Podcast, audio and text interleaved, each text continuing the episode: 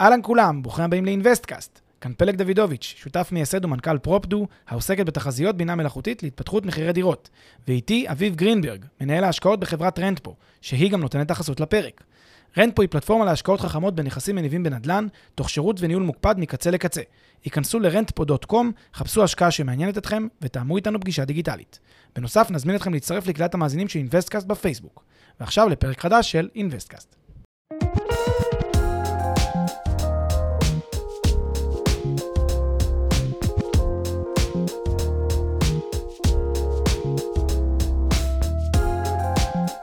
אהלן פלג. אהלן אביב, מה העניינים? מעולה, יום ראשון שמח לך. יום ראשון שמח ומבדח. Yes. אנחנו אה, ב delay אחרי הפרק של חמישי שלא הספקנו להקליט אותו, אז אנחנו מקליטים בראשון, אז יהיה למאזינים שלנו שני פרקים בשבוע אחד. שני פרקים בשבוע אחד. אחד ביום ראשון, מתחילים- השני ביום חמישי. בדיוק, מתחילים את השבוע יום ראשון בבוקר עם הקלטת פרק, לי זה אדיר. כן, לגמרי. וגם הכנו פרק מאוד מאוד מעניין, הופה. נושא חם, קצת תל אביב, בוא נדבר על תל אביב. בוא נדבר שנייה לפני זה על פרויקט שאנחנו מקדמים ברנטפו, כן. אה, פרויקט בעיר לודג' בפולין, במרכז העיר, ליד שדרת פטרוקובסקה, צמוד לאוניברסיטה הטכנולוגית. ספר לנו קצת על האזור הזה. אזור סופר מגניב, אה, בכלל כל המרכז של המרכז העתיק של וודג' אה, נמצא בהתפתחות מטריפה, זה הסטארי מיאסטו, הסטארי באוטי והשרודמישצ'ה ובכלל השכונות הסובבות. השדרות המרכזיות של פטרוקובסקה, כן, אין, אין כל, של, של, של וודג' זה פטרוקובסקה, שדרות אה, זה מקום מטריף. פאבים ו- ובתי קפה, ויש שם אפילו מקום שנקרא קפה תל אביב, כאילו זה השם שלו, וזה גם בהשראת הפרק הזה אולי אם תרצה. אה, ולאורכו ולרוחבו יש ככה שתי וערב מלא פאבים ומסעדות, וזה אזור מאוד מאוד נחמד שכל הצעירים שם מבלים. בחלק הדרומי של השדרות האלה של פטרוקובסקה, אה, שם יש באמת אה, את השכונה הזאת שמתפתחת ככה, ויש שם גם פרויקטים חדשים וגם אזורים שעוברים רינוביישן, כזה שיפוץ. סצנה סטודנטיאלית מאוד מאוד חזקה בצד אחד, ובצד שני גם סצנה אה, אה, ביזנסית, הרבה אבים אה, חדשים שקמים שם על אה, כל מיני סטארט-אפים. סצנה מאוד מעניינת בעיר הזאת. לגמרי, לגמרי. עיר מטריפה, מעולה. אז אם uh, אתם מחפשים הזדמנות השקעה באזור שחד משמעית מתפתח ועוד ימשיך להתפתח, דברו איתנו, כנסו לאתר שלנו וחפשו את ההזדמנות המעניינת ודברו איתנו. לגמרי. ועכשיו בוא נדבר על תל אביב. עכשיו בוא נדבר על תל אביב. Yes. איזו עיר זו תל אביב. מה איזה- לא נכתב ומה לא נאמר על תל אביב, ועל, בפרט על שוק הנדל"ן של תל אביב.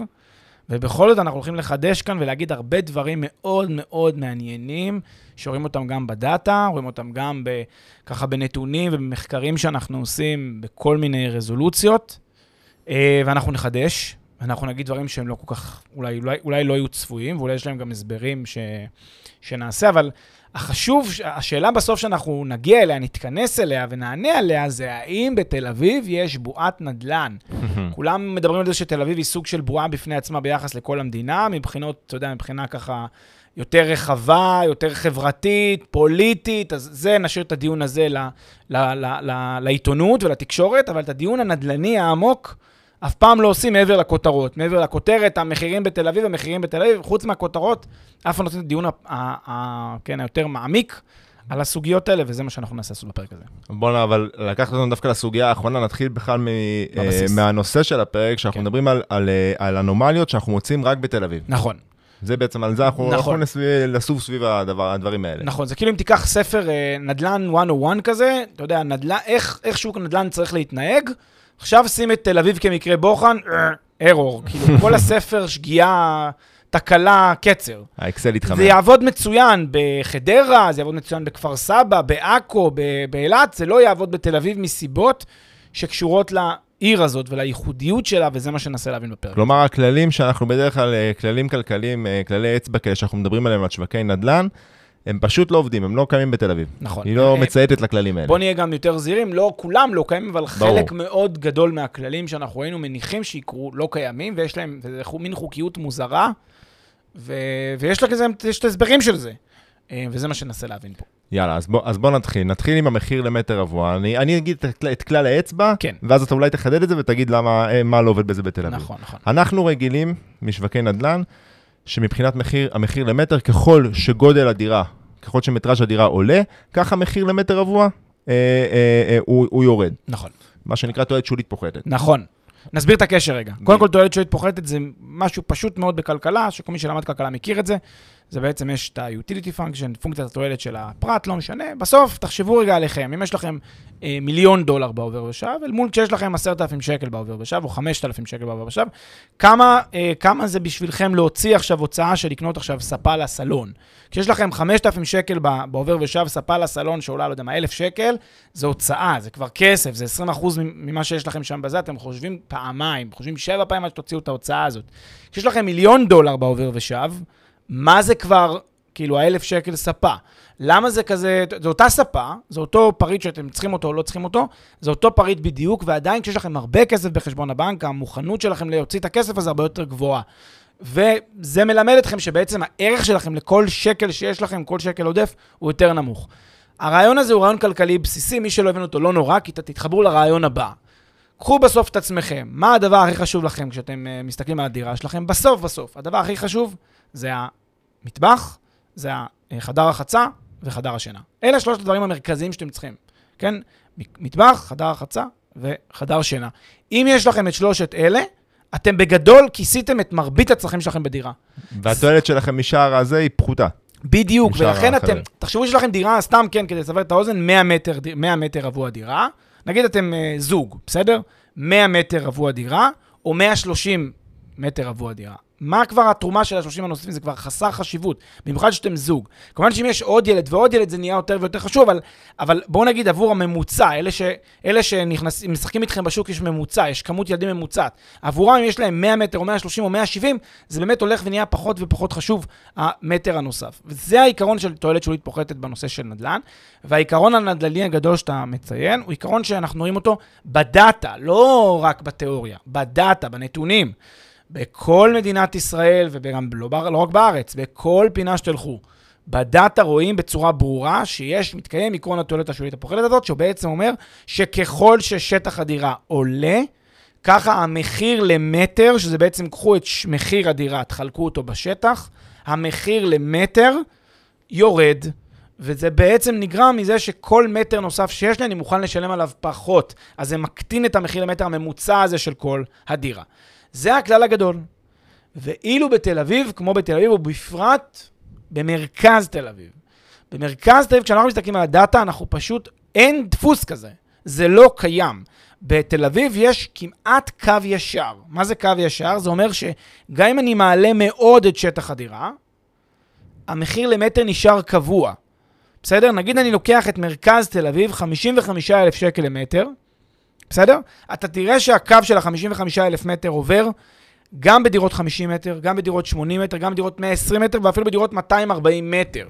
גם שם מתקיים הקו הזה, הממוצע של ה-55,000 שקל למטר, וזה אנומליה, זה חריג. משהו, עוד שנייה נסביר, נסביר uh, למה זה, אבל משהו שאני הולך uh, להגיד אולי כמה פעמים פה במהלך הפרק הזה, זה אז כמה הערך אולי הרבה יותר גבוה של uh, uh, התחדשות עירונית uh, כמו תמ"א 38 ופינוי-בינוי, שבה אתה מקבל שטח דירה יותר גדול כבעל, כבעלים של דירה, כמה פה אתה מקבל פיצוי שהוא הרבה יותר גבוה ממה שתקבל בערים אחרות, כי פה אתה גם מקבל מטראז' יותר גדול, ואתה לא נפגע במחיר פר מטר רבוע, זאת אומרת שהשווי דירה שלך הרבה יותר גדול בהשוואה למה שהיית מקבל אה, אה, בעיר אחרת ביחס לשווי הקודם. כן, אז זאת באמת השערה שאפשר כאילו לשים אותה בזה. אני, אני, רוצה, לא, אני רוצה להגיד לך גם את אחד הדברים שה... היפים כשרואים את התופעה הזאת, כי אתה מסתכל על דאטה ואתה רואה תמיד את הגרף הזה של איך זה נראה בכל הערים שיש את הירידה, בתל אביב אתה לא רואה את זה, אז קודם כל אתה אומר, רגע, איך, מה, מה שונה פה? למה זה כזה חריג? למה זה כזה בולט? ממש רואים את זה בנתונים.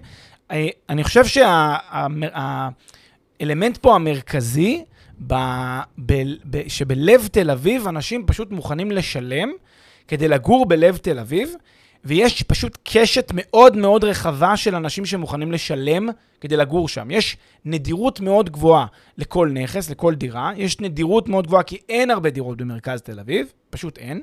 ואנשים מוכנים לשלם ויש קשת רחבה מספיק של אנשים שמוכנים לשלם. ואז קורה מין תופעה מוזרה כזאת, שגם בדירות קטנות, יחסית 50 מטר, 80 מטר, 60 מטר, לא משנה, יש מספיק אנשים שרוצים לשלם את ה-55,000 למטר, וגם בדירות גדולות, יחסית של 200 מטר, אין הרבה מהם. אז אפילו אם יחסית יש פחות אנשים בשוק שרוצים את ה-200, בגלל שאין הרבה דירות כאלה, זה, זה, זה הולך בקורלציה כזאת. ואז יוצא מצב שיש מספיק ביקושים לדירות של ה-200 מטר, מספיק ביקושים לדירות של ה-50-60 מטר, והם שומרים ביחד על רף ה-55,000 למטר, כמעט כמו קסם. זה לא, זה לא מספיק, יש המון, זאת אומרת, הרבה יותר ביקושים ביחס להיצע. כן. ובפרט, כמו שאמרת, אמרת את זה בין השורות, אז אני רק אחדד את זה, שתל אביב מאופיינת, במרכז תל אביב, בסדר? מאופיין בעיקר בדירות שהן יותר קטנות, בדירות של, לא יודע, 50, 60 מטר רבוע, נכון? זה בערך נכון. הממוצע. נכון. ולכן פתאום, כשיש דירה, אמרת את זה פשוט בין השורות, אני רק אה, אה, מחדד. מבהיר את זה, כן? כן. כשיש דירה של 130, 140 מטר רבוע, אז היא כל כך נדירה בשוק, שעדיין הביקוש, גם אם יש פחות אנשים שרוצים אותה, עדיין הביקוש ביחס לכמות דירות האלו הוא מאוד מאוד גבוה, וזה מה שמצליח לשמור אותה על מחיר למטר רבוע שהוא זהה לדירות הקטנות. בדיוק. לדעתי גם קורה פה עוד איזשהו עניין, והוא שמאחר ש... וזה קצת אולי טענה יותר מורכבת להבין, אבל היא חשובה, כי הרבה אנשים, הרבה אנשים שמשחקים בנדל"ן, לא, לא כל כך מתעסקים בשאלה של התועלת השולית וכל הדברים האלה, בטח בהשקעות, נדל"ן להשקעה, כן? עכשיו, אם יש, נגיד סביב איזושהי עיר, יש, על, יש עליה מין הילה כזאת של 55,000 שקל למטר, זה מספר מטורף, אבל נגיד יושבת מעל העיר הזאת 55,000 שקל למטר, עכשיו, אם אני עכשיו, כי יש לי כסף, ואני מתכנן לקנות דירה בעיר, זה מספר הברזל שאני הולך איתו למשא ומתן. זאת אומרת, אני הולך עם מספר 55 למטר, או 60 למטר, או 50 למטר, לא משנה לפי איזה מספר אני מתכוון, אבל זה בגדול המספר שאני הולך איתו למשא ומתן. ואז זה לא כך משנה לי אם הדירה שמציעים לי 100 מטר, 120 מטר או 140, יש פה איזה מין משהו. זה שונה קצת, אם תחשבו רגע על, י... על uh, רמת גן, על פתח תקווה, על, uh, על טבריה, ששם המחיר למטר טיפה יותר ארטילאי, טיפה יותר מרוחק ממני. זאת אומרת, אני מכיר בגדול את המספרים, אבל הרבה, יותר, הרבה פחות מדברים איתי על מחיר למטר. רגע, לכן זה טיפה יותר ארטילאי. המחיר, אתה, אתה אומר את זה בגלל, ש... בגלל שהמחיר למטר משתנה ביחס לגודל הדירה, או כן, שאתה אומר לא, מסיבה ש- אחרת? אני אומר שהבן אדם שקונה, המשקיע שקונה, שיושב עכשיו על כסף ורוצה לקנות דירת, לא יודע מה, 140, 150, הוא שם כלל אצבע. מה יהיה הכלל שאני אציע במשא ומתן? מה שאני אציע במשא ומתן, הולך ומתכנס לכיוון ה-55, כי זה מה ששמעתי שעכשיו המחירים בתל אביב. בתל אביב. הוא לא עושה את החשבון הזה רגע. אה, רגע, 55 זה לדירות הקטנות, אני צריך אה, 48 כי אני קונה דירה יותר גדולה. לא, הוא לא עושה את החשבון הזה, הוא הולך עם ה... פשוט בתל אביב זה כל כך בשיח, כל כך מרחף מעל העיר הזאת, המספרים, שכולם נורא נורא חיים את העיר הזאת ומבינים את המספרים בה. בערים אחרות זה קצת יותר ארטילאי. המושג מחיר למטר, למשל בפתח תקווה, נסו לדמיין מהו. קצת יותר קשה להבין. כן. לפני הפרק דיברנו קצת על בת ים, אמרנו כאילו מה המחיר למטר בת ים. אז כל אחד מאיתנו יש לו טיפה השערה שונה לגבי המחיר למטר בת ים, כי כל אחד אומר, רגע, יש דירה כזאת שעולה ככה, דירה כזאת, אבל יש איזשהו מחיר, כמו בתל אביב, יש איזשהו מחיר כללי של מרכז בת ים, של ליד הים, יש, יש לכל אזור בתל אביב, בבת ים יש את המחיר למטר שלו. אמ, אבל פשוט יותר ארטילאי. בתל אביב זה קצת יותר נוכח. הבנתי. אה, אוקיי, בואו נדבר קצת על חנייה. מה, חנייה, מה הבעיה של. חנייה בתל אביב? טוב, קודם כל יש בעיות עצומות של חניה בתל אביב. אני רוצה להגיד. משהו שאנומלי ברמות בתל אביב, וזה העובדה שהחנייה היא כמעט לא פרופורציונלית לעסקה, כשמדובר בדירות, ב, בטח באזורי ביקוש של תל אביב, ממש במרכז, חנייה יכולה להגיע למספרים הזויים, חצי מיליון שקל לחנייה.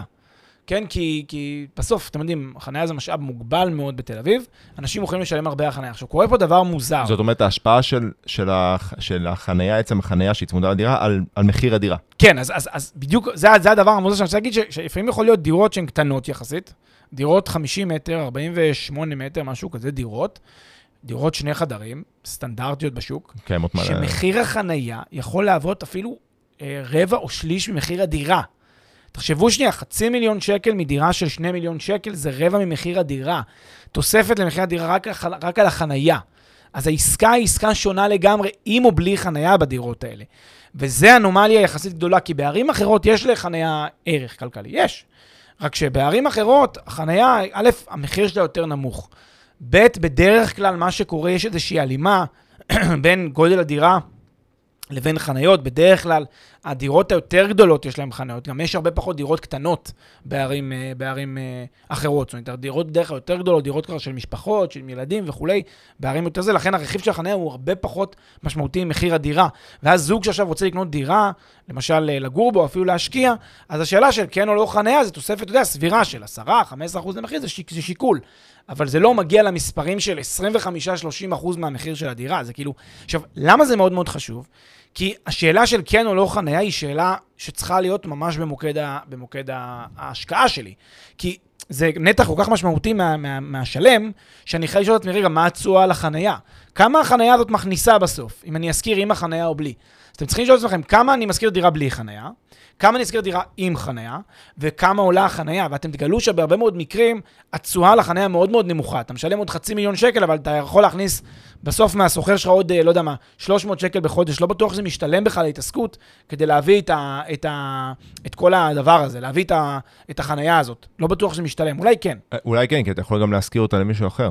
אתה יכול, זהו, אבל מאחר שיש כל כך מצוקת שכירות בתל אביב, מאחר שכל כך הרבה אנשים רוצים לגור בתל אביב, אז זה כמעט, עוד פעם, זה... זה...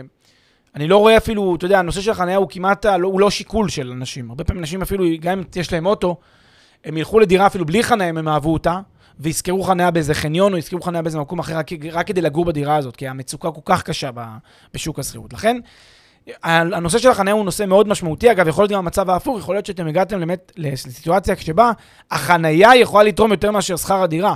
קחו למשל מקרה שבו אתם יכולים לגבות על חניה אלף שקל באזור, כי אתם בלב של הלב, ותאמינו לי, גם ראיתי אנשים שמציעים את החניה שלהם באלף שקל לחודש. זאת אומרת, רק על החניה יש לכם 12,000 שקל בחודש, זה יכול להיות תשואה לא רעה לעסקה שלכם, עוד איזה, לא יודע מה, 2.5-3 אחוז ממחיר הנכס.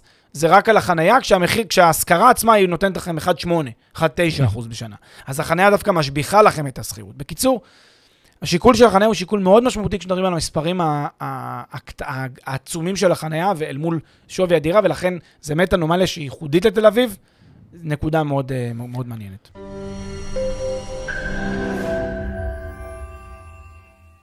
לפני שנמשיך, כמה שניות מזמנכם. הפרק בחסות רנטפו, פלטפורמת השקעות חכמות בנדל"ן עם האנשים שמאחורי אינוויסטקאסט. רנטפו מאפשרת לכם להשקיע בשקיפות וביעילות בנכסים מניבים, תוך ליווי וניהול מוקפד ומקצועי מקצה לקצה. היכנסו ל-rentpo.com, חפשו השקעה שמעניינת אתכם ותאמו איתנו פגישה דיגיטלית.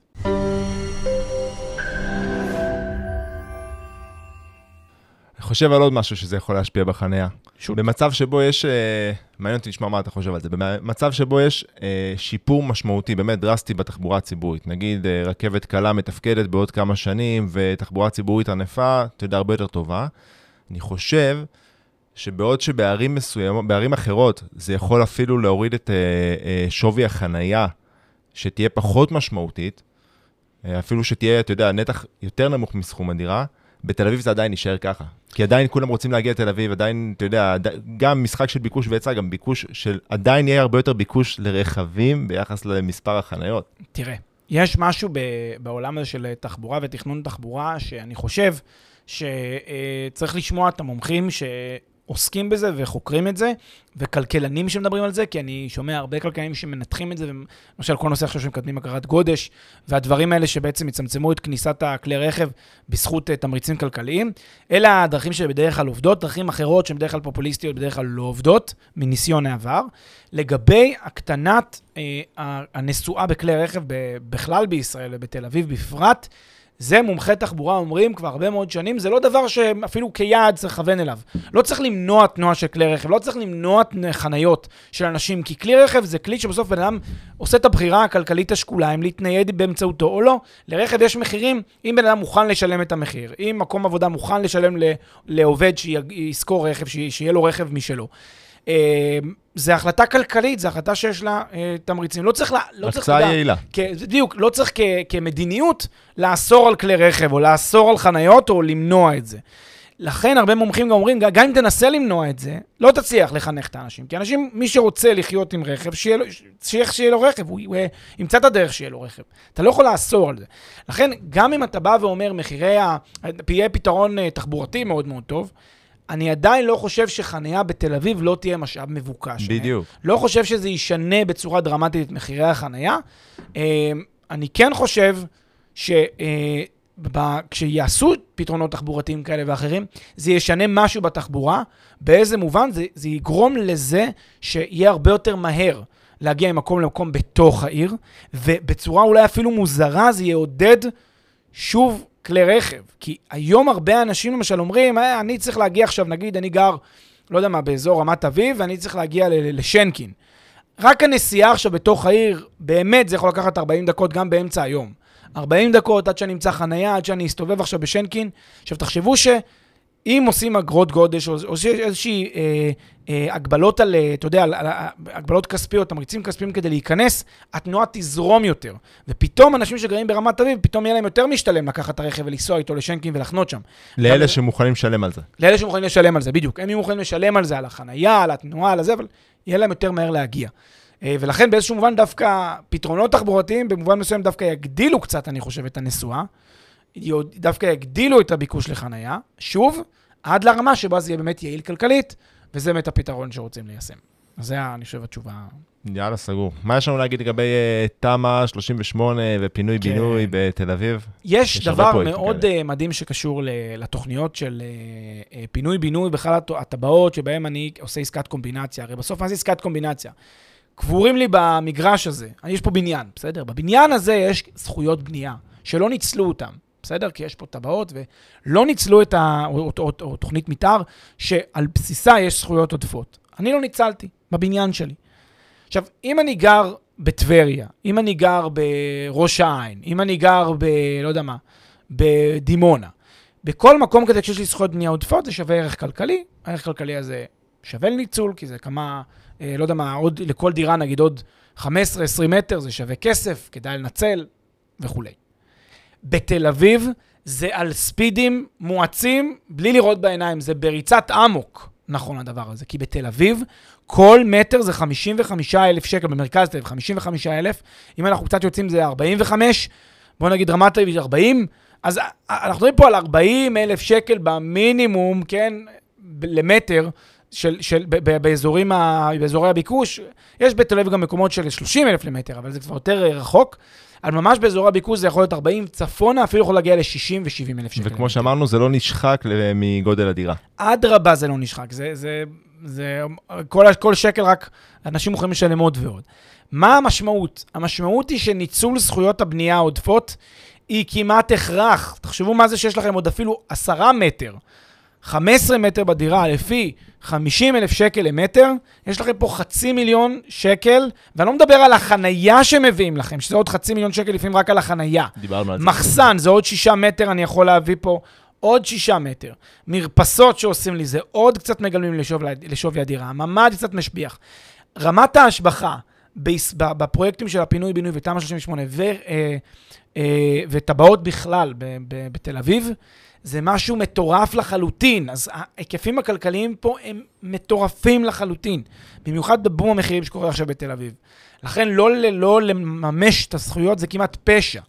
אה, וכן, תמיד יש את העניין הזה של איך מממשים ואיך עושים את הכי טוב ואת הפחות טוב. צריך להבין, גם הזמן עובר, הכסף הזה אפשר להיפגש איתו מיידית. עם פתאום מצנח של מיליון וחצי שקל שהגיע לכם מהשמיים, אפילו שני מיליון שקל שיכולים להתחבא בזכויות שיש לכם לדירה. להגדיל גם קומות זה שווי. בקיצור, יש פה כל כך הרבה דברים. זה אנומליה חריגה, כי בהרבה מאוד ערים יש פוטנציאל בהתחדשות עירונית ובטבעות האלה. יש הרבה פוטנציאל. בתל אביב זה ברמות אחרות לגמרי. שווה, מי, ש, מי שבמקרה עוד לא ער למציאות הזאת, שווה בכל לשון של בקשה ללכת לממש את הפוטנציאל הזה בהקדם, כי יש פה המון כסף שמתחבא, אה, ו, וזה פשוט עכשיו, תכף נגיד גם משהו על הרווח היזמי, זה גם צריך לגלם את זה. זאת אומרת, אם אתם מוכרים איזושהי דירה עם זכויות, צריך להבין את המשמעות הזאת, כי זו דירה שיושב בה אולי מיליון שקל, מיליון וחצי שקל שמחכים שיאספו אותה. אז תחשבו על מעצם הדבר הזה. הפוטנציאל שיש שם, מעצם ל- ל- הפוטנציאל. לתמ"א שתעלה אותה בסתם 2 מיליון, 2.5 נכון, מיליון, נכון, ולכן זה שווה לשלם את המיליון האלה כבר היום. לגמרי. אגב, כמובן צריך להתחשב פה בהיטלי השבחה וכולי, אבל גם בהקשר הזה. אגב, ענייני התמ"א והפינוי-בינוי, ב- אה, אה, בהשוואה בכלל, תל אביב, בכלל מרכז הארץ, לערים אחרות, זה נושא, עזוב, זה נושא לפרק בפני עצמו, על העניין שהרי בסוף, מה הייתה המטרה של התוכניות האלה? להגן על מבנים מפני אה, אה, רעידות אדמה, בסדר, וגם מפני אה, אה, להוסיף ממ"ד, מפני אה, מציאות ישראלית כזו או אחרת. כן. ומה ש... מה שלא מצחיק אלא עצוב זה שדווקא במקומות שהכי צריכים את המיגונים האלה, בין אם זה, לא יודע, קח את אזור בית שאן שנמצא על השבר אה, של האדמה שמועד לרעידות אדמה, או אה, אה, ערים מסוימות בדרום, שנמצאות אה, על אה, אזור מלחמה, דווקא שם אין ליזמים שום אינטרס כלכלי לעשות את התוכניות האלה. כן, זה תמיד, זה... ה, זה תמיד הבעיה של אפקט הקוברה, שאתה יודע שכשבאים לתת פתרון רגולטורי או נותנים איזשהו תמריצים, לא חושבים על זה עד הסוף. בסוף עושים אפקט שהוא הרבה יותר גרוע, כמו הסיפור על הקוברות בהודו.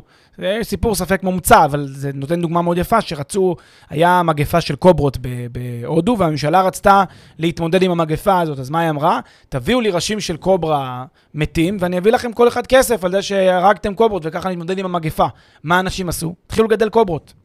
אז הרגו אותם וקבלו מלא כסף. אז בעצם במקום להתמודד עם הבעיה, רק אנשים גידלו קוברות, הגדילו את כמות הקוברות ויצרו בעיה יותר גדולה. לכן הרבה פעמים, שוב, בסוף רציתם לייצר אה, תוכנית למיגון מפני, התגוננות מפני רעידות אדמה וגם להתמודד עם אה, איום טילים.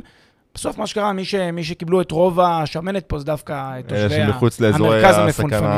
משתי הכיוונים. כן. סגור, בוא נמשיך הלאה. התחלת להגיד, וזה מאוד קשור דווקא לתמ"א, לי זה נשמע קצת מנוגד, אז תסביר שכמעט אין רווח יזמי בתל אביב. כן. אז בואו אוקיי. שנייה נסביר מה זה אומר. כן. הרווח היזמי זה uh, משאת נפשו של היזם. כל יזם חפץ ברווח היזמי, מה זה הרווח היזמי? זה בעצם הפער בין קח את מחיר הקרקע עם המבנה, תוסיף לה את העלויות של הבנייה ואת כל מה שכרוך בבנייה, או בהשבחה. הזכויות, או בהשבחה, בסדר? ותגיע לשווי הסופי, מה שמכונה after repair value, או after אה, construction value, או כל, כל שם אחר שתרצה value. יש פער. הפער הזה זה הרווח היזם, זה השמנת שאותה כותף היזם. למה הוא כותף אותה? כי הוא טרח. זהו, זה, פער, זה, הוא ש... זה התמריץ שלו לעשות את כל ההשבחה, אחרת לא זה התמריץ שלו לעשות את כל ההשבחה, זה התמריץ שלו לעבוד קשה, זה התמריץ. זה הרווח שלו. שימו לב שהרבה בפרויקטים של בנייה, הרווח של היזם בסוף מתגלגל בדירות שהוא מקבל, בסוף הפרויקט. הוא מקבל איזה 2-3 דירות לעצמו, זה היה זה. עכשיו, בתל אביב, עכשיו, איך עובד הנושא של רווח יזמי, אגב, לא רק בתל אביב, בכל העולם? במקומות שבהם סיכוני ההקמה נמוכים, הרווח היזמי קטן. מקומות שבהם סיכוני הקמה גבוהים, הרווח היזמי גדול. קחו מדינות, אה, אתה יודע, מדינות עניות מאוד, אתם יכולים לצפות שם לרווח יזמי גבוה. מאוד. עשרות אחוזים רווח יזמי. למה? כי פשוט אף אחד לא רוצה לקחת, להכניס את הידיים לבוט שם וליפול עם איזשהו פרויקט או שיעקצו אותו, שירמו אותו. נראה לי גם, הרבה יותר קשה. גם בישראל, אפשר לקחת דוגמה אולי קרקעות אה, לפני הפשרה, דברים כקרקעות חקלאיות. גודל, גודל הרווח היא גודל הסיכון. בדיוק. זה, זה הכלל הבסיסי. תל אביב זו דוגמה, אני חושב, קיצונית למצב שבו אין כמעט רווח יזמי. למה הכוונה אין כמעט רווח יזמי? אני יכול לתת דוגמה מאוד פשוטה, בסדר? אה, קחו שתי דירות זהות. אחת נבנתה בשנת ה-80, ואחת נבנתה ב-2015. ואני עשיתי את הבדיקה הזאת, כן, ראינו את המספרים. 2015 מול שנות ה-80, שתיהן דירות נניח 70 מטר, שתיהן נמצאות, יושבות על, אה, לא יודע מה, רחוב אחד העם. אחת עשתה ב-2017 סיימת תמ"א, והשנייה עשתה משנות ה-80, אין לה תמ"א, לא, זה לא פוטנציאל, אבל היא יושבת שם, כן? שתיהן קומה, אותה קומה, שתיהן, אותו, אותו, אותו, שתיהן חזיתיות, לא משנה. לאף אחד אין חניה, לא משנה, אותו, אותו דבר, בגדול אותו דבר, ואתה תראה פער מחירים שהוא די זניח ביניהן, די כמעט חסר חשיבות. שתיהן יושבות על סביב הציר הזה של ה-55 אלף למטר. אולי 1980 קצת יותר זולה, 2017 קצת יותר יקרה, אבל למעט זה אין הרבה הבדל במחירים שלהן. מה אני מנסה להגיד פה? הפחת או, או העובדה שיש פער, פער בין הגילאים של הדירות האלה כמעט ולא משחק תפקיד. הפער היחיד שקיים, הכמה, אם תרצה, לא יודע מה, 100 אלף שקל פער שבכל זאת תצליח למצוא ביניהם, זה אם תעשה את ה-1980 הזאת, תשפץ אותה כדי להביא אותה לסטנדרט יחסית חדיש, כמו זאת של 2017. זה הפער היחידי. זאת אומרת, אתה לא יכול להביא את ה-1980 הזאת באמצעות אה, אה, שיפוץ, טוב ככל שיהיה, עוד 400 אלף במחיר. לא תקבל דבר כזה, כי פשוט אין לך תגמול, אין לך reward על רווח יזמי. למה? כי פשוט בשוק הזה יש מין אנומליה כזאת ש... אה, כולם מחפשים את המציאות האלה ליזום בהם, כולם מחפשים יזמות שם. ואז אין כמעט אה, סיבה שמוכרים של דירות מ-1980 יוותרו על משהו. השוק מכתיב מין מחיר כזה שאפילו לדירות הישנות יחסית, יש מחיר גבוה. ואז אף אחד כאילו לא, לא מצליח להפיק רווח עודף, ולכן אתה כמעט קונה כבר במחיר של הדירה הגמורה. יש פער. ולכן הוא... אין, לך, אין לך אינסנטיב כזה חזק לשפץ את הדירה נכון, שלך, בגלל זה יש מלא דירות ישנות בתל אביב. נכון, אין לך אינסנטיב לשפץ את הדירה, כי גם, גם בדמי השכירות אתה תקבל עוד 200 שקל לחודש לא שווה את ההתעסקות. אה, אני למשל גרתי בזמנו בבניין, שבו הדירה שלי הייתה משופצת לגמרי, ודירה ליד הייתה לא משופצת בכלל. אותו שטח, אותו, שטנץ של דירה בדיוק, שילמנו אותו שכר דירה, אנחנו והשכנים. לא, אבל יש איזשהו כי- פער. אז במקרה הזה לא, כי, כי פשוט אנשים כל כך צמאים שם לעסקה, כל כך מחפשים את השכירות, אנשים לא עושים את הקלקולציות, כן משופץ, לא משופץ, כמה זה, כמה לא. השיקולים האלה הם שיקולים כמעט אה, בטלים בלחץ שיש בשוק השכירות, אבל זה דוגמה, זה דוגמה קצת לשכירות, אני- בואו נחזור רגע ל, ל, ל, ל, אפילו לבעלות. לקנות דירה ולשפץ אותה למטרת הסעת הרווח היזמי, לא הייתי עושה בתל אביב. אה, אם הייתי בעל דירה והייתי חושב ששיפוץ הדירה יכול, לא יודע מה, אה, להביא לי שוכרים יותר בקלות, מה שגם קצת, נשמע קצת מוזר, אז אולי הייתי בוחן שיפוץ, אבל אחרת, האמת, אין סיבה כל כך מיוחדת לשפץ, במיוחד שכל אה, כל בניין כזה, שמע, 1980 זה עוד גבולי קצת, כן, אבל תלכו כמה שנים דרומה, כל בניין כבר הוא בפוטנציאל תמ"א. בפוטנציאל תמ"א זה כבר אומר שאנחנו, אה, תמ"א או פינוי-בינוי או תב"ע, ואז זה אומר שעדיף לי כבר לא לגעת, אני אחכה שזה עוד כמה נכון. שנים יקרה, ואז אני כבר... אה, אבל יכול להיות, מי, ש, אה, מי שמאזין לנו, יכול להיות, זה יכול להשתמע לו כאילו אנחנו, יש פה איזו סתירה בין מה שאמרנו מקודם עם התמ"א, אז אני, אני שנייה רק אה, אה, אה, אפרט טיפה יותר. מה שאמרנו מקודם לגבי התמ"א, זה שמאוד מאוד מאוד משתלם בתל אביב לעשות אה, אה, תמ"א, ובגלל זה אנחנו רואים מלא פרויקטים של תמ"א ופינוי-בינוי, בגלל ש... אתה מקבל פה אה, יותר, מטראז' יותר גדול לדירה שלך, מטראז' נוסף, שהוא לא פוגע לך במחיר למטר רבוע, וגם אתה מקבל כנראה עוד חנייה ועוד מחסן, והדברים האלה כשבעצמם יש להם ערך משוגע, בטח לחניה בתל אביב. ולכן עליית הערך שתחווה בתור הבעלים של הדירה, היא באמת, היא, היא לא פרופורציונלית למה שרואים בערים אחרות. נכון. פה מה שעשינו, לקחנו את ההשוואה, לה- כדי להראות שאין רווח יזמי, לדירה שהיא אותו מטראז'. דירה עם, עם מאפיינים דומים, רק שאחת חדשה ואחת ישנה. זאת אומרת, אחת זה, שתיהם 85 מטר רבוע, שניהם אה, אותו מספר חדרים, לשתיהם יש או אין חנייה, ועכשיו השאלה, האם להשביח את הדירה הישנה, לשפץ אותה ככה שתהיה שווה לחדשה, ישיא לי את, ה, את הרווח היזמי. ומה שאנחנו רואים לפי הנתונים זה שלא. זה כאילו זה כמעט. ולא, כמעט ולא, ת, ת, תלוי כמובן במקרה הקונקרטי, אבל זה פשוט נראה שכמעט אין פערי מחירים ביניהם, ממש לא, לא יא. מובהק. סגור. בוא נמשיך. מה, מה עוד אנחנו רוצים להגיד על תל אביב? כן, אז, אז צריך להגיד גם עוד דבר מעניין לגבי תל אביב, שהיא אה, עיר שיש לה מספר רובעים מובחנים. אנחנו מכירים גם, אתה יודע, ערים בחו"ל, וגם מכירים בארץ כמובן הרבה ערים, אבל מסתכלים על הרבה נתונים, ורואים מאפיין בדרך כלל בערים שיש איזושהי, איזשהו סוג של הלימת מחירים, הלימה, כן? בין, אה, אתה יודע, חלק אחד בעיר לחלק אחר בעיר. מה זה אומר הלימה? זה אומר שכאילו יש פרופורציה. אז נכון, נניח כך אה, אזורים מסוימים ברמת גן, אתה תראה 30 אלף למטר, אתה יכול לראות 35, ואזורים אחרים 20, 22, 23, זאת אומרת, יש קשר מסוים, הם גם זזים פחות או יותר בפערים של שני שליש של מול השלם, בגדול.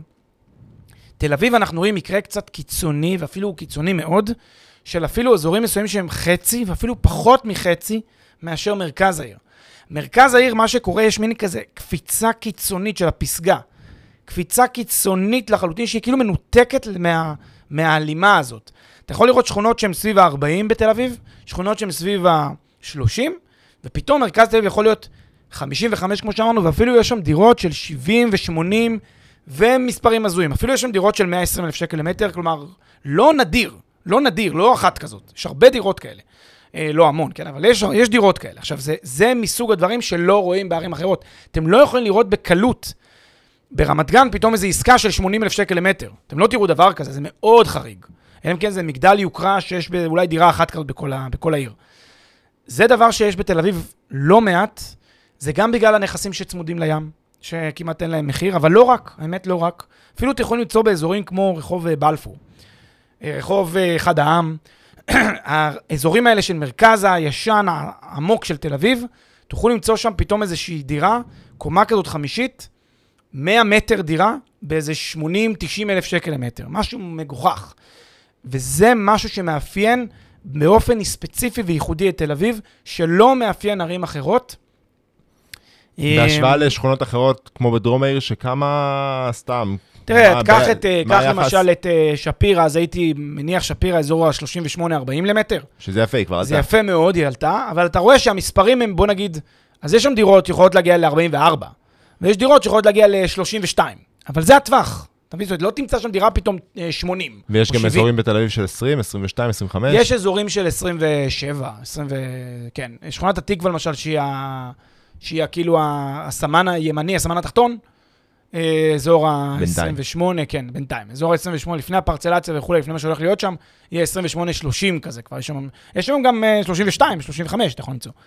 אבל מה שאני רוצה להגיד זה כאילו, האקסטרים הזה, הנכסי אקסטרים, בתל אביב זה לא כל כך אקסטרים, כי זה לא כל כך נדיר, זה לא שיש איזה עשרה נכסים של אה, 80 אלף למטר או 90 למטר, יש a bunch, אתה יודע, מספר נכסים שיושבים על פשוט מספרים משוגעים לגמרי, דבר שגם מושך את מרכז העיר ל-55, כמו שאמרתי, אפילו יש כאלה שלכיוון ה-60 ו-65 ו-70, וזה פשוט אנומליה, זה כאילו, זה מאוד מאוד חריג שיש לך באותה עיר, תל אביב אגב, בשטח שלה היא גדולה, אבל היא לא, היא לא, אתה יודע, מטרופולין ענק עכשיו שחובק אה, אה, שינויים, אה, אתה יודע, שינויים אה, גיאוגרפיים שונים ו- ו- ווולקני אל מול אה, שלג ואל מול, זה, בסך הכל זה יחסית די דומה, די הכל קרוב. התקווה למרכז תל אביב זה די כמו רמת אביב למרכז, ואין הרבה פער. ובכל זאת אתה רואה אה, כאלה פערים. אה, זה דבר שהוא יחסית חריג, אני חושב, אה, בהשוואה. זה אגב, סתם כדי לסבר את האוזן, אה, במקומות אחרים שאנחנו מכירים גם בעולם, בערי בירה. אני שם רגע את מנהטן בצד, כי מנהטן די דומה לתל אביב בהקשר הזה. אני מניח שגם פריז ולונדון דומות מאוד לתל אביב בהקשר הזה. ערי בירה שהן ככה מאוד מגוונות ועשירות, והמנעד שם רחב. אבל אם ניקח ערים שהן טיפה יותר ככה אורבניות, רגילות, תרצה אפילו באירופה שאנחנו מכירים, אין את הפערים האלה. אתה לא תמצא פתאום נח- אה, באותה עיר פערים של פי 2, פי 3 במחיר למטר. אתה תמצא פי 2, אתה יכול להגיע במקרה קיצון ממש. אתה תמצא בדרך כלל פי 1.5. זה משהו כזה ב...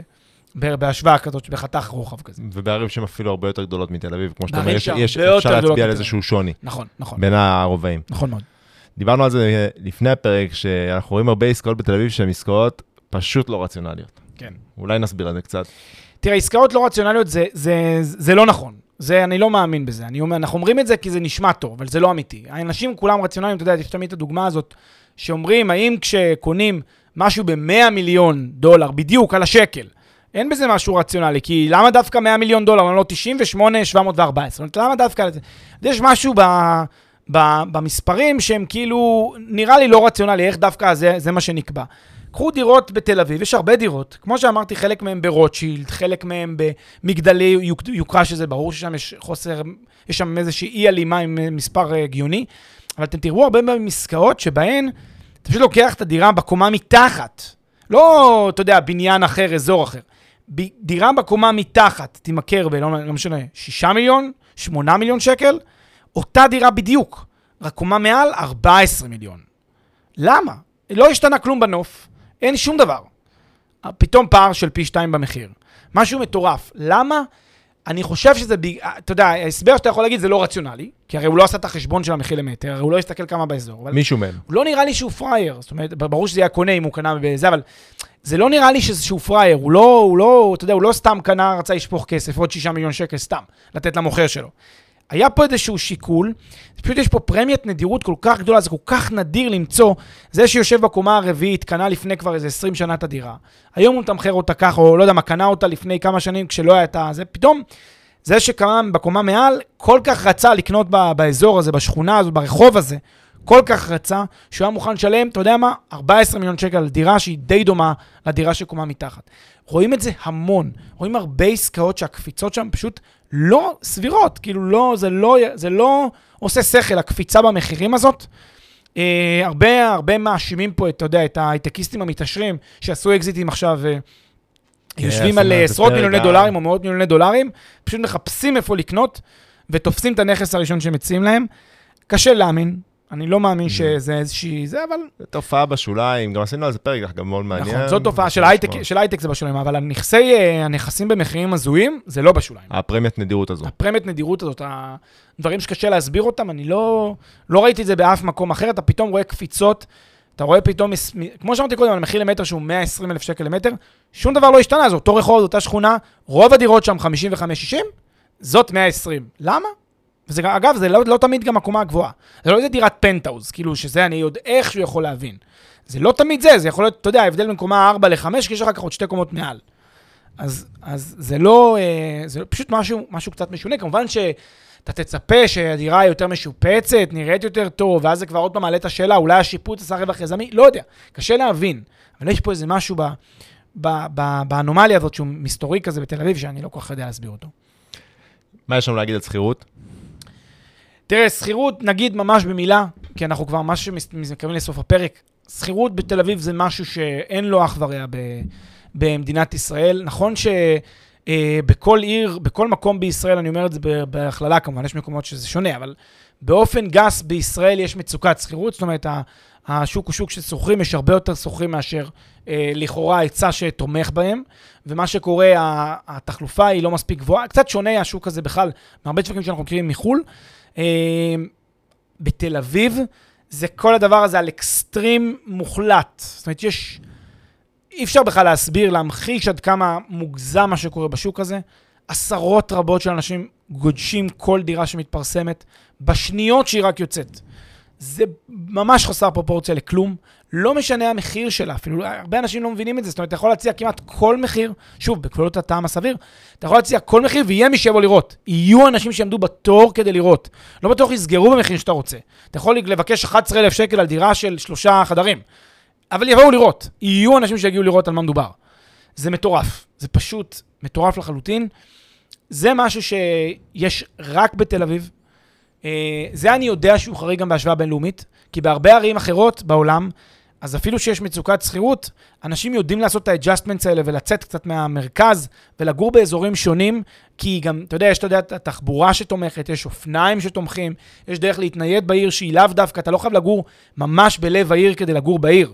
קחו למשל ערים כמו אמסטרדם, יש הרבה שכונות, אמסטרדם יותר מפוזרת, יותר כאילו עיר גדולה, במובן שיש לך הרבה שכונות מרכזיות, אין לך רק שכונה אחת מרכזית. כלומר, היום, אתה יודע, יש את המרכז התיירותי, אבל אמסטרדם עצמה יש לה הרבה מין מקומות שאנשים יכולים לגור, בסך הכל באותה חוויה. גם ורשה לצורך העניין. ורשה, וזה בסך הכל, מה שיפה גם באמסטרדם, החוויה היא אותה חוויה לגור באזורים שונים של העיר, גם בוורשה. אזורים שונים של אתה מרגיש אותה חוויה. בתל אביב זה שונה. תל אביב אתה יוצא קצת מהמרכז, זה כבר חוויה אחרת. אפילו, קח בבלי אל מול uh, כיכר המדינה, אל מול לב העיר. אתה שלוש רמות של חוויה אחרת לגמרי של עירוניות. כל מי שגר שם יודע את זה, כל מי שגר בבבלי וכל מי שגר בכיכר המדינה וכל מי שגר בלב העיר, יודע את הדקויות האלה שבין לגור בין, בין כל אחד מהמקומות האלה, שקצת גם, אה, וגם האופי של האוכלוסייה הוא קצת שונה. בכיכר המדינה הוא טיפה יותר משפחות, בבלי כבר הרבה יותר משפחות, כן. ומרכז העיר זה עכשיו, זה, זה, בסך הכל זה אותו, זה, זה, זה מרחק של רבע שעה הליכה, 20 דקות הליכה בין המקומות. ב, ובערים אחרות ב, באירופה, בערים אחרות בחו"ל, בארצות הברית, זה לא, לא, לא כל כך, אה, לא, באותו, לא באותה עצימות או באותה משמעות. לכן זה דבר שאני חושב שהוא קיצוני אה, כמעט בכל, אה, בכל קנה מידה, שוק השכירות הזה של המרכז, הביעבוע המטורף הזה של השוק. זה דבר שבאמת אה, אין לנו מילים. אז התחלנו, אמרנו, שדיברנו על כל מיני דברים שהם מוזרים בתל אביב, ושוק שהוא פועל בצורה אה, אה, שלא מצייתת לאף חוק, לא לאף חוקים, אבל לא מצייתת להמון חוקים של אה, ספר כלכלת הנדל"ן, אם אה, היה כזה. זה עצם זה שהמחיר למטר רבוע הוא פשוט פלט, הוא נשאר שטוח גם כשהמטרה של הדירה עולה בצורה משמעותית. המחיר של החנייה שעולה בצורה משמעותית ויכול להגיע עד, אמרנו, אפילו, אפילו שליש אה, אה, או רבע ממחיר הדירה בדירות מסוימות. התמ"א 38 שמעלה את הערך בצורה לא נורמלית. אנחנו רואים פה פשוט הרבה דברים שמעלים את, ה, את, ה, את השווי של הנכסים בצורה שהיא ממש משמעותית, אפילו דרסטית. וזה מתקשר לשאלה, האם יש בועה בתל אביב? זאת אומרת, האם מתישהו יקרה משהו שיגרום למחירים האלה לרדת, להירגע, מה... תראה, בדרך כלל, איך שאני מסתכל על בועות, זה, בועה זה תופעה שבה יש חוסר הלימה בין הכלכלה לבין התנהגות האנושית. זאת אומרת שיש מין נהירה שנובעת מלחץ, מפניקה, ממשהו שהוא רגשי מאוד. אה, זה קורה בהרבה מקומות. בהרבה מקומות גם בנדל"ן, אנחנו ראינו את זה, הרבה שווקים שהיום הם בפיסת ההיסטוריה, שהיה סביבם באז מטורף והוא נרגע, כי פשוט אנשים הבינו, אוקיי, מה יש לעשות פה? תכל'ס זה די חור. זהו, אני, אני קורא לזה איזושהי עלייה מלאכותית. עלייה מלאכותית, בדיוק למה שהתכוונתי. עלייה מלאכותית לא טבעית של השוק, לא בגלל איזה שהם הסברים כלכליים רציונליים. בתל אביב, לצערי, לצערנו, כן, מי שאוהבים את תל אביב וכולי, העלייה היא טבעית לחלוטין, לדעתי לפחות. היא לא מלאכותית, היא טבעית, היא נובעת מביקושים אמיתיים, אותנטיים. את, זה, זה, זה, אתה יודע, זה, אומרים, המתעשרים מההייטק, זה לא רק המתעשרים מההייטק, זה יהודים מכל העולם שקונים פה. זה משפחות שקונות דירות כדי שיהיה להם להחזיק בתל אביב. זה כבר שנים של עליות מחירים שגורמים לשוק הזה להיות כמו ספינה אחת ששטה קדימה ומתפתחת. וזו החלטה כלכלית, רציונלית, השקעתית לקנות דירה בתל אביב, כי פשוט המחירים שם כל הזמן עולים, וגם הנתונים הדמוגרפיים מצביעים על זה שזה גם ימשיך לקרות. זאת אומרת, התפיסה שלנו, כ...